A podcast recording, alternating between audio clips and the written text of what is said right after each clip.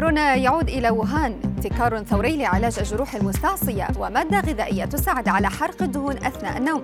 أبرز أخبار الساعات الأربع والعشرين الماضية في دقيقتين على العربية بودكاست.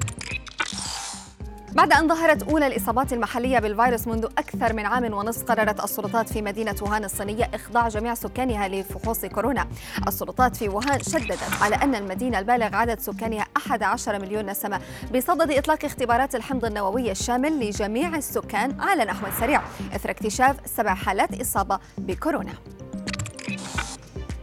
إلى ألمانيا حيث نجح فريق بحثي في تطوير ضمادات طبية ذات خصائص فريدة إذ أكدت الاختبارات قبل السريرية أنها مناسبة للاستخدام في علاج الجروح المزمنة والمعقدة. الضمادة الجديدة تجمع بين التوافق الحيوي والمتانة وقابلية التحلل البيولوجي والخصائص الميكانيكية المواتية المشابهة لتلك الموجودة في الجلد وذلك بالاعتماد على بروتين التروبولاستين البشري.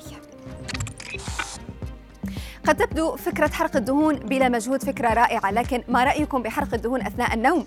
هذا ما أكدته خبيرة التغذية الروسية أنجليكا تشيش بخطوتين بسيطتين. الخطوة الأولى تناول قبل الخلود إلى النوم بياض بيضتين مسلوقتين والثانية النوم قبل الساعة الحادية عشرة ليلا. وفي الصباح سيكشف لكم الميزان أن الوزن انخفض بمقدار 300 جرام.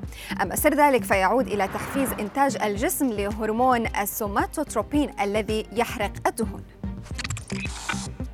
من منا لا يريد جسما صحيا خاليا من الأمراض وأن لا تبدو عليه علامات الشيخوخة في وقت مبكر. هذا يرتبط طبعا بالتغذيه ونوعية المواد الغذائية التي نتناولها.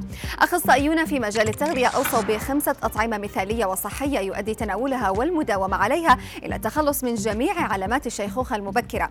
تلك الأطعمة هي زيت الزيتون والشاي الأخضر والرمان والبطاطا الحلو والعسل.